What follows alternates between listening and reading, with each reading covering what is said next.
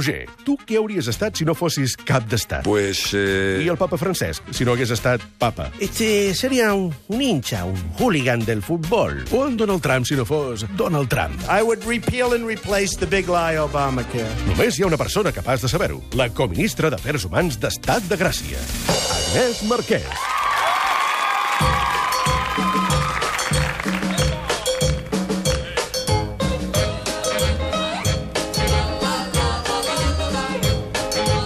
Mi quan em paren pel carrer i em diuen escolta'm, el programa aquest que feu, Estat de Gràcia, Catalunya Ràdio, cada dia 4 a 7, m'agrada molt, sobretot, sobretot molt a l'Agnès Marquès. Podria fer ella el programa en 3 hores? Ah, sí? Sí, això m'ho han dit bastant. Pues m'ho- ja has tardat en dir-m'ho.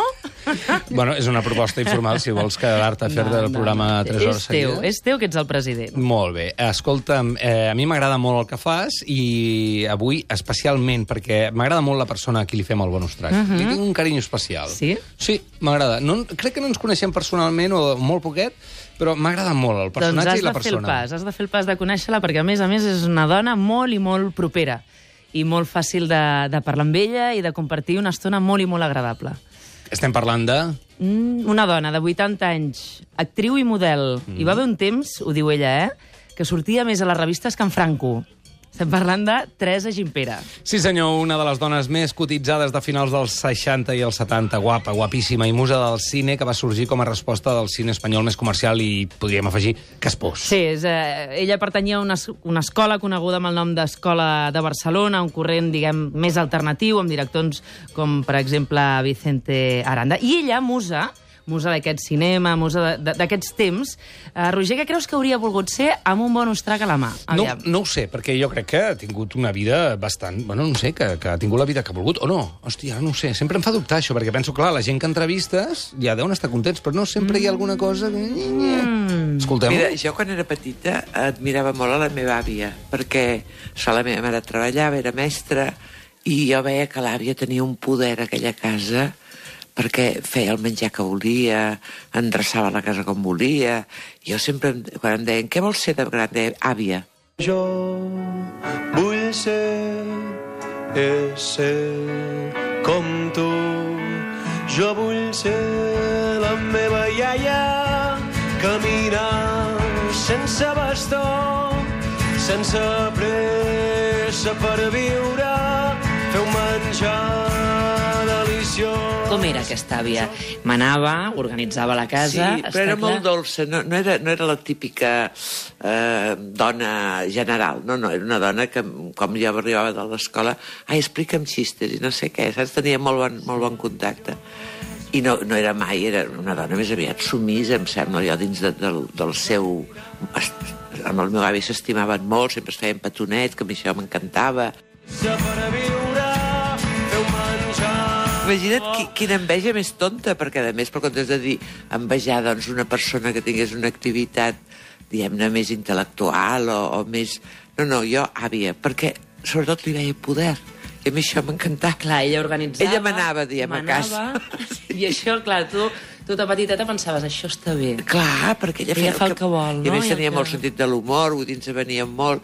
I bé, sempre deia això, esclar, igual que als 16 anys vaig dir que jo mai em maquillaria ni em posaria talons. Mm, això... Caminar sense bastó, sense. Amb aquesta última part no va tenir gaire ull clínic, perquè per no voler maquillar-se la vida, déu nhi el que es va maquillar després, eh? Déu-n'hi-do, tu diràs. Uh, li cridava l'atenció aquest poder, no?, manar a casa, posar ordre, i el que digués la iaia, que, que anés a missa, no?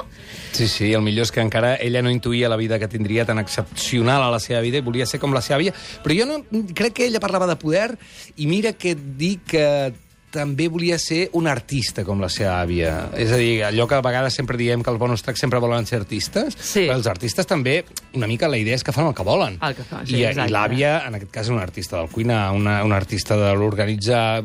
Bueno, no sé, Feia dins de casa, feia el que, el que volia. Ara, sobre el tema dels de nostres bonus tracks, que sempre volen ser artistes, avui tenim una sorpresa, eh? ho, veurem, ho veurem més endavant. En tot cas, dèiem que, que la Teresa ha dut una vida completament diferent a la de la seva àvia, gairebé una vida incompatible amb la vida de la seva àvia i també molt i molt diferent de la immensa majoria de les dones de- d'aquella època. Però ella, ara, Ara és àvia i, de fet, ja és besàvia, amb tot just 80 anys eh, eh, tocats, acabats de fer ara el mes de setembre. Ara pot fer d'àvia. I què? Què creus? Que ha fet d'àvia com la seva àvia o no? Hosti, no ho sé. Com somriu el No ho Roger. sé. Sentim-ho. Vaig ser àvia molt jove i la veritat és que si, eh, eh, ho he fet poc servir d'àvia, perquè per la meva feina, clar, és que he anat sempre amunt i avall, no? Però ara tinc ja besnets i tinc nets grans. i- Besnets, ja? Sí, en tinc quatre. Un de, el gran, el besnet gran, ja té 11 anys. I fas de besàvia? Sí, però faig, sóc una besàvia típica. Primer perquè tots viuen fora de Barcelona. I llavors no és allò que els tingui, que els vull anar a buscar a l'escola o pugui fer coses, saps? Però sempre he sigut una mica típica, no? Prefereixo doncs, emportar-me'ls en un viatge, a fer... No sé, aquest dia un, un dels besnets petits me'l vaig emportar a la golondrina. Escolta, potser els teus nets i, i els teus besnets també pensen jo vull ser com la meva àvia i com la meva besàvia, no? No ho sé, Potser jo- també tenen aquesta mirada sobre tu com la, tu la tenies de la teva àvia, perquè, clar, una àvia que se t'emporta de viatge... Sí, i no, i després, i després els, els nets que ara ja són grans, els nets que el gran ara ja té 34 i la, i la, i l'Anaïs en té 35, o sigui, imagina't, tinc un net ja. Doncs aquests, és clar, aquests sí que poder... Però quan eren petits, abusaven de mi. perquè entràvem en una pastisseria, perquè ells, per exemple, vivien doncs, a Olot, viuen a Olot, i entràvem en una pastisseria i els petits deien és que la meva àvia és coneguda, eh? Veus?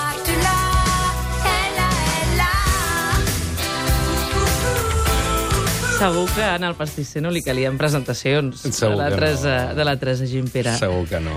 Clar, és una àvia típica. Clar. Les àvies de 80 anys en amunt, que s'emportin els seus eh, nets i besnets de, vi de viatge, Àvia enrotllada. Una àvia, No? sí. Que xulo. i que món. I que xulo fer d'avi, també t'ho diré, eh? Vull dir, ara que jo sóc pare i, Sí.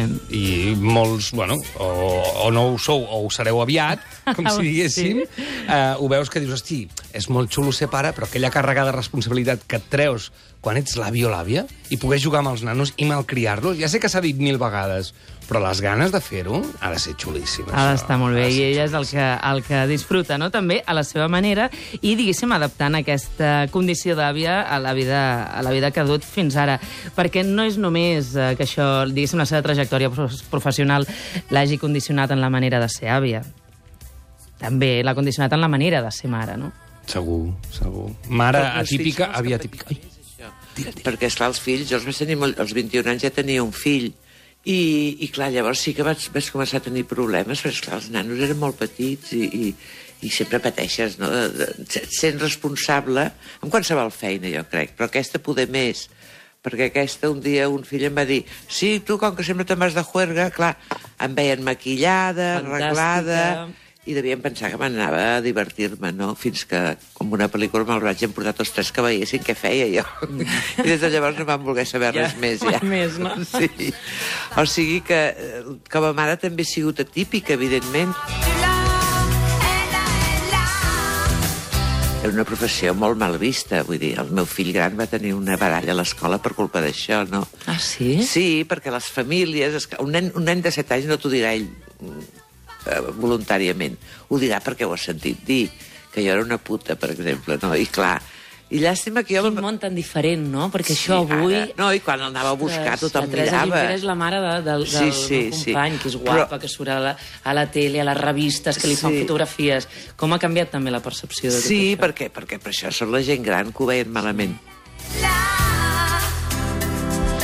Una dona en un aparador com les revistes, el cinema, la televisió, en una època dels 60 i els 70, on imparava, evidentment, el masclisme. Una dona guapa com ella era poc més que una cara bonica de dudosa moral. I això també li ha portat els seus problemes i els seus maldecaps. Saps que ella, artista, ho dèiem abans, és la primera bonus track que quan pensa en una vida extra no pensa en ser artista, a més a més de, de ser àvia? Ah, llavors, a més d'àvia, què voldria ser? Doncs millor que hauria volgut ser si l'època i les seves circumstàncies haguessin estat diferents. Artista no, aviam. Eh, fotografies, eh, no? trajectòria com a model, com a actriu... Ho tornaries a repetir, això? Jo crec que pensar aquestes persones que diuen jo si tornés a néixer faria diferent, jo l'únic que, que, que em sap greu és no haver estudiat. No haver estudiat una carrera, evidentment. Perquè la meva mare, esclar, ho havia passat tan malament ella I sempre em deia, nena, no cal que estudis, diu, perquè després, mira, diu, tu et casaràs jove, segurament, eh, que realment em vaig casar jove, em vaig casar jove per sortir de casa, eh? per poder estar amb l'home que jo volia tranquil·lament i que no m'empipessin ni em controlessin. Clar. Però, i llavors sí, vaig fer, esclar, vaig estudiar francès, vaig, eh, vaig fer uns cursos de, de cultura general, sóc comptable, bueno, aquelles coses d'aquelles nenes per passar el rato, no? I, i l'únic que el meu germà, sí, llavors el meu germà, tots els diners els van esmerçar amb ell pel noi, no? I té dues carreres i... I quina carrera hauries triat? A mi eh, m'agradava molt la, la medicina. Tota la vida m'ha interessat la medicina. Bueno, vull dir, tro- trobo que és, un, és una professió... No seria mai de, de pediatre, això no. De nens no. No, no, no, perquè això faria, patiria massa, no? Potser perquè he tingut fills. Clar, clar. Però medicina, o medicina més que metge, metge, investigadora. Ah, sí, eh? A Però- la recerca, allò de Sí. descobrir què és el que passa. Sí, sí, sí, crec que és un, és un món que és molt interessant, no? I, vull dir, si a vegades m'ho he plantejat i que això m'hauria agradat fer, no? I estar en un laboratori, investigar i, i resoldre coses. Però, clar, no, no, ja no. I sabent que pot salvar vides. Oh, i tant, oh, i tant. Un món, eh, ara estava pensant, m'imaginava jo anant a la consulta del metge i trobant-me la, la doctora Gimpera, no? Segui, segui, aquí, hòstia, un impacte, eh? En aquella època, sobretot, eh? Un Sí, món sí. pràcticament vetat per, per les dones de la seva època. En realitat, ella explica que es va dedicar a la interpretació i al fet de ser model una mica sense vocació. S'hi va trobar perquè era fotogènica i que li van anar arribant les propostes, però quan va arribar al Destape diu que ho va deixar perquè no s'hi trobava gust. I quan va haver de plegar, va plegar sense més. No, és que no tinc nostàlgia de res. Vull dir, no, jo eh, ho he fet com a feina, no per ser... És que he conegut moltes actrius, eh, tipus Sara Montiel, aquests que realment...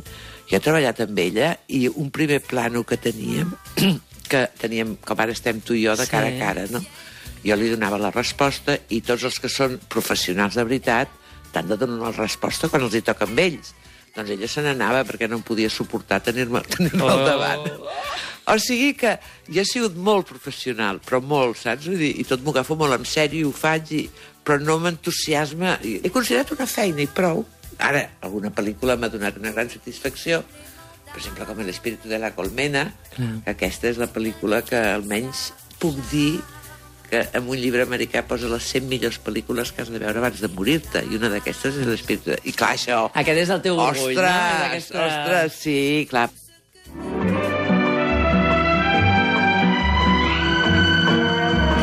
T'has quedat? No, m'he quedat a quadres. O sigui, Ah. Sara Montiel no volia... Eh... Que torna-m'ho a explicar, No li això. aguantava el plano. És a dir, quan graven, primer Sí. un fa la seva interpretació i l'altre aguanta quan, quan, quan li toca a l'altre parlar. Sense quan li sortir a tocava- càmera. Exacte. Aguantes, Fas tots els planos de l'Agnès Marquès mentre jo et faig de...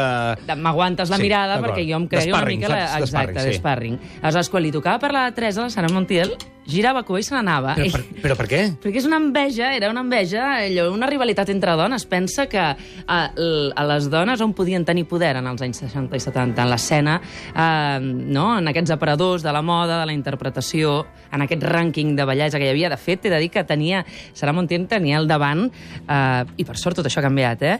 eh tota una Lady Europa 1969. Sí. Era l'ABC del dia de l'endemà que Teresa Gimpera va ser nomenada Lady Europa del 1969, l'ABC obria així la representant espanyola Lady Europa 1969. M'agradaria que et fixessis en el que diu al peu de foto. He fet, de fet, he portat una... la portada per si la voleu penjar a les M'has posat la xarxes. lletra molt petita sabent que jo ja tinc 41 anys i cada cop em costa més, no? M'allunyo una, no, no, m'allunyo una No, mica el mira, paper. aquí baix. No, no, no, ho llegiré com ho has posat tu. Diu, la representante española Teresa Gimpera, o Teresa Gimpera, suposo, en aquella Sí. època, ha sido elegida en Alguero, Italia, Lady Europa 1969, entre 20 guapas estrellas aspirantes de otros tantos países. La popular actriz cinematográfica aparece tras su nombramiento con las clasificadas en segundo y tercero lugar. Michelle Bull de Francia y El Galine de Portugal, respectivamente. Està guapa, eh? Molt guapa, està guapíssima. Surten a la portada de l'ABC, doncs, les tres... Amb una banda eh... que posa Lady Europa i eh, eh, una altra banda d'aquestes creuades que posa Molinex. Molinex, exacte. Eh? Perquè Suposo les dones en patrocina- aquella època només podien cuinar i fer, meva, i mare meva. fer Lady Europa. Està guapíssima i és la portada de, de l'ABC, en tot cas. Bé, eh, la Teresa explica que això, que va ser model i actriu per la seva bellesa, perquè li van proposar, no perquè ho anés a buscar. I en una altra vida hauria volgut ser investigadora científica i ara que té 80 anys poder haver fet d'àvia com ho va fer la seva. Com veu ella, ara, aquesta etapa de la seva vida quan acaba de fer 80 anys? Però bé, és una etapa. Jo, jo sempre dic que les, la, nostàlgia no se'n pot tenir, de nostàlgia. Això que dic, m'hauria agradat ser investigadora, d'acord, però com que no he sigut, doncs m'haig de conformar amb el que tinc. Vull dir, no, no... Bueno, i... M'interessa... El... Sí, no, i després, quan dono xerrades o amb llocs de gent gran, que ara, ara em conviden, esclar, per l'edat meva, doncs ja... I els, sempre la renyo, la gent, les, les, les dones, els dic, escolta, heu d'estar al dia vosaltres, eh? Què vol dir això de... Ai, que a mi no m'estimen i no em truquen, perquè no em truquen els meus fills? Truca'ls i tu! Clar, és que, és que no perquè siguis vella d'esperar que sempre et vinguin a... Jo, jo sóc independent. ¿Por qué no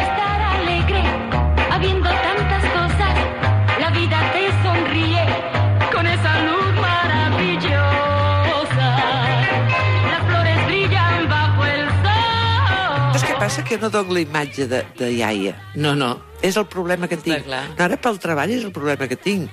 Perquè si fos la, la iaia típica, doncs potser treballaria més. Si el meu fill l'altre dia, el gran, em va dir, escolta, mare, vols treballar encara? Perquè es preocupen ells per mi. Sí. Havia d'anar a Bogotà a presentar la pel·lícula quina joia. Mm. I m'ho van prohibir. Ah, sí.